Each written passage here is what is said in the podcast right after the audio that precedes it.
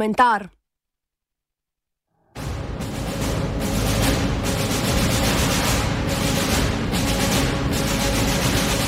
Brodolom sodobnih križarjev. Drugi novembrski petek je katoliška mladina na kongresnem trgu organizirala drugo javno molitev rožnega venca.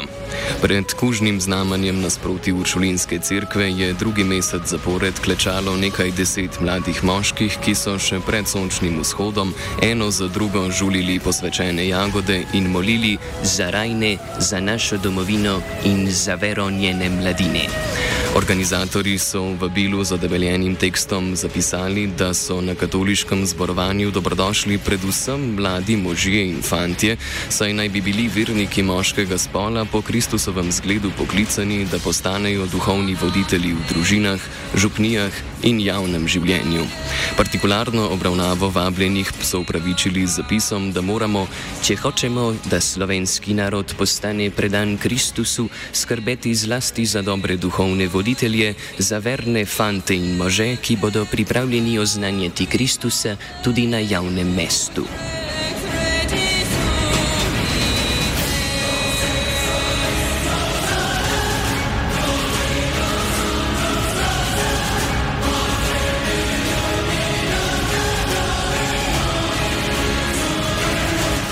Organizatori so nadobudnim katolikom prepovedali dajati izjave za javnost, novinarke večjih televizijskih postaj pa so po koncu prve molitve sredi oktobra uspele pristopiti do mlajše vernice. Ta jim je dejala, da so bili, mlad, da so bili moški posebej vabljeni zato, ker za molitev potrebujejo posebno spodbudo, ter da drugorazrednost ženskih vernic razume kot poziv k ponovni in nujni maskulinizaciji moških moških. Moškocentrična retorika katoliške mladine se od posvetnih bojevnikov za reintegracijo patriarhata ne razlikuje pretirano.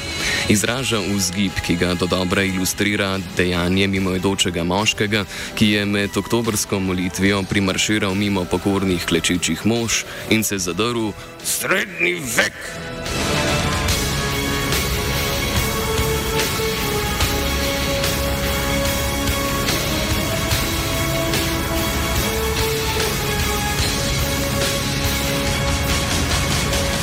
Javne molitve, ki v podobni obliki že dobro leto potekajo tudi v središču Hrvaške prestolnice, seveda niso prežitek temačnega srednjega veka, temveč nepresenetljiva praktična uprega poskusov retradicionalizacije od institucionalne religije odtujene sodobne družbe.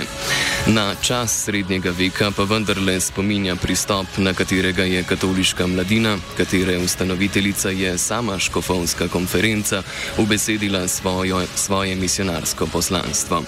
Mladi katoliki do patriarhalnega pohoda na vrh družinske celice in javnega prostora pristopajo v isti maniri, kot so v zgodnih desetletjih prejšnjega tisočletja do ponovne osvojitve svete dežele pristopali križari. Ne na zadnje so organizatori v vabilu takole citirali tudi Jezusa: Pojdite torej in naredite vse narode za moje učence.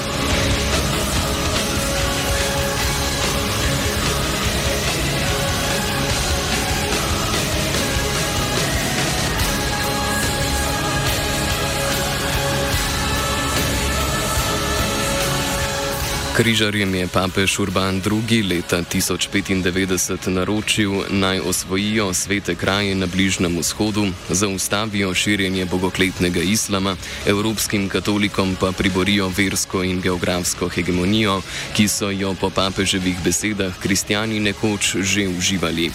Podobno kot so njihovi predhodniki sekali glave barbarskim muslimanom, morajo sodobni križari posekati glavo blasfemiji feminizma in pedofilsko maurično politični propagandi, temu, kar jim onemogoča, da v svoji lastni konstrukciji sveta znova naskočijo in zadržijo položaj družinskih in družbenih glavarjev.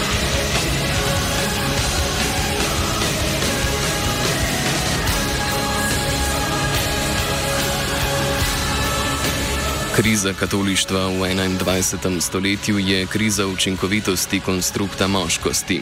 Križarjenje in ponovno osvajanje svete dežele patriarhata pa je za klerikalne sile nujno za voljo mobilizacije vernikov. Kriza moškosti za klerikalce in konzervativni politični pol predstavlja možnost in priložnost, da pod svoje okrilje znovačijo ranjene fante, ki se izgubljajo v tem razčaranem svetu.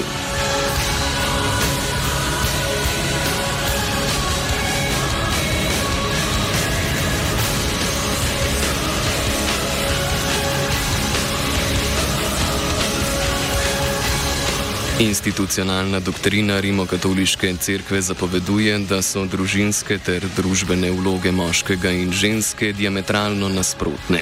Bajke o ženskah za kuhinjskim pultom in moških v delavnici ali pisarni nam verjetno ni potrebno posebej poudarjati. Nobena skrivnost ni, da klerikalne sile k domestifikaciji žensk težijo že dolga stoletja. A zakaj so si sodobni križari ravno sedaj za osrednji cilj svojega boja zadali družbeno rešitev? Reintegracijo patriarhata. Za odgovor na to vprašanje se moramo ozreti k ciljni populaciji, ki jo katoliška mladina nagovarja. Molitev na kongresnem trgu predstavlja dejanje prostorskega osvajanja grešne in moralno gnile ljubljane. S tem pa molivci v prvi vrsti naslavljajo mlade moške iz ruralnega okolja, ki ljubljane nikoli niso obravnavali kot prostora, kjer bi se lahko izrazili.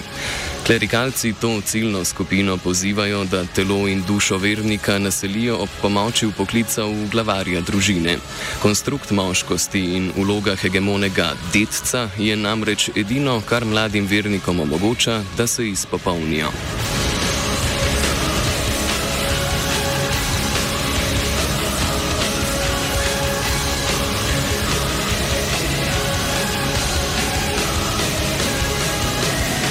Mladi verniki moškega spola z obronkov periferne Slovenije pravzaprav nimajo nobene možnosti, da bi se profesionalno izkazali v javni sferi, saj je ta močno prepredena z buržujsko meritokracijo.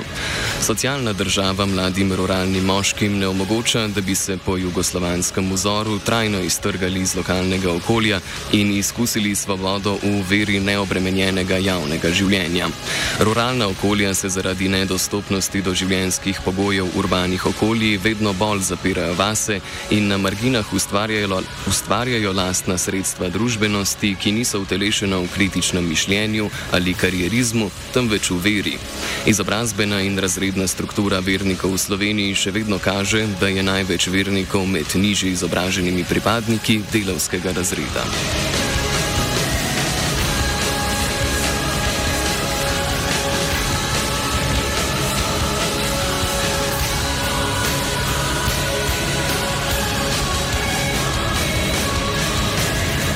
Ker mladi katoliki po večini nimajo dovoljšnih možnosti za profesionalno udejstvovanje, ki ga ne bi spremljala odtujitev od dela, se ob klerikalnem posredovanju zatekajo med štiri stene tiste institucije, v kateri lahko na poglavarjevem stolu vladajo in narekujejo pravila lastnega vsakdana. Osrednje gonilo konstrukta moškosti je slab po uspehu in moči. Od uspeha in moči v javni sferi sodobne križarje ločijo razlike v ekonomskem, družbenem, družbenem in kulturnem kapitalu. V svoji moškosti se lahko popolnoma izpopolnijo zgolj v okviru družine, kjer bodo stroške konstrukta moškosti trpele njihove žene.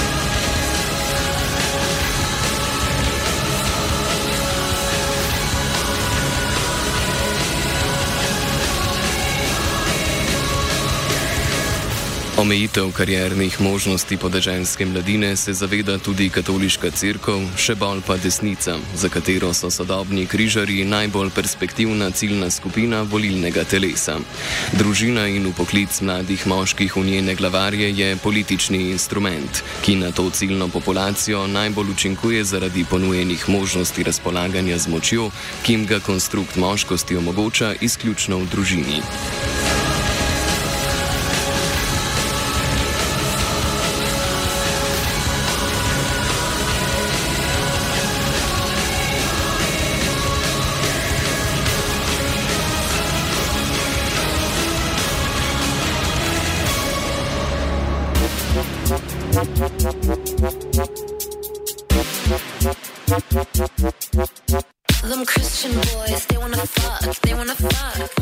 Diskurzi, s katerimi operira katoliška mladina, lahko tako predvsem s podtonom uresničevanja božjih zahtev po moški nadvladi v vlogo sodobnega križarja upokličajo nemalo število privržencev.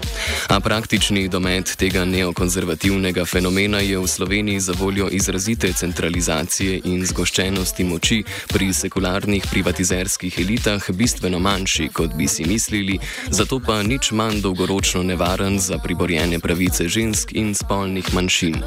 Sodobni križari bodo v bližnji prihodnosti stežka pripluli do svete dežele patriarhata, v najboljšem primeru jih bo po brodolomu prestregla Slovenska demokratska stranka ali Nova Slovenija in jih izkoristila kot politično orožje, ki bo v državnem zboru čez deset let recitiralo poezijo Alena Komana in predlagalo spremembe 55. člena Ustave Republike Slovenije.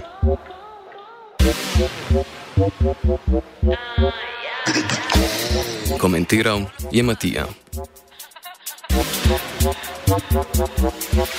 Vsi ženske hočemo pač sposobne moške. Mislim, hočeš, da ima zanesljivka devca v bajta, ne. Nočeš, da je neka, da je pač pasiven, pa tam v kot, pa da moraš vse sama, ne. Meni se zdi to čisto zelo, zelo super, da, da dobiš takega moža, ne.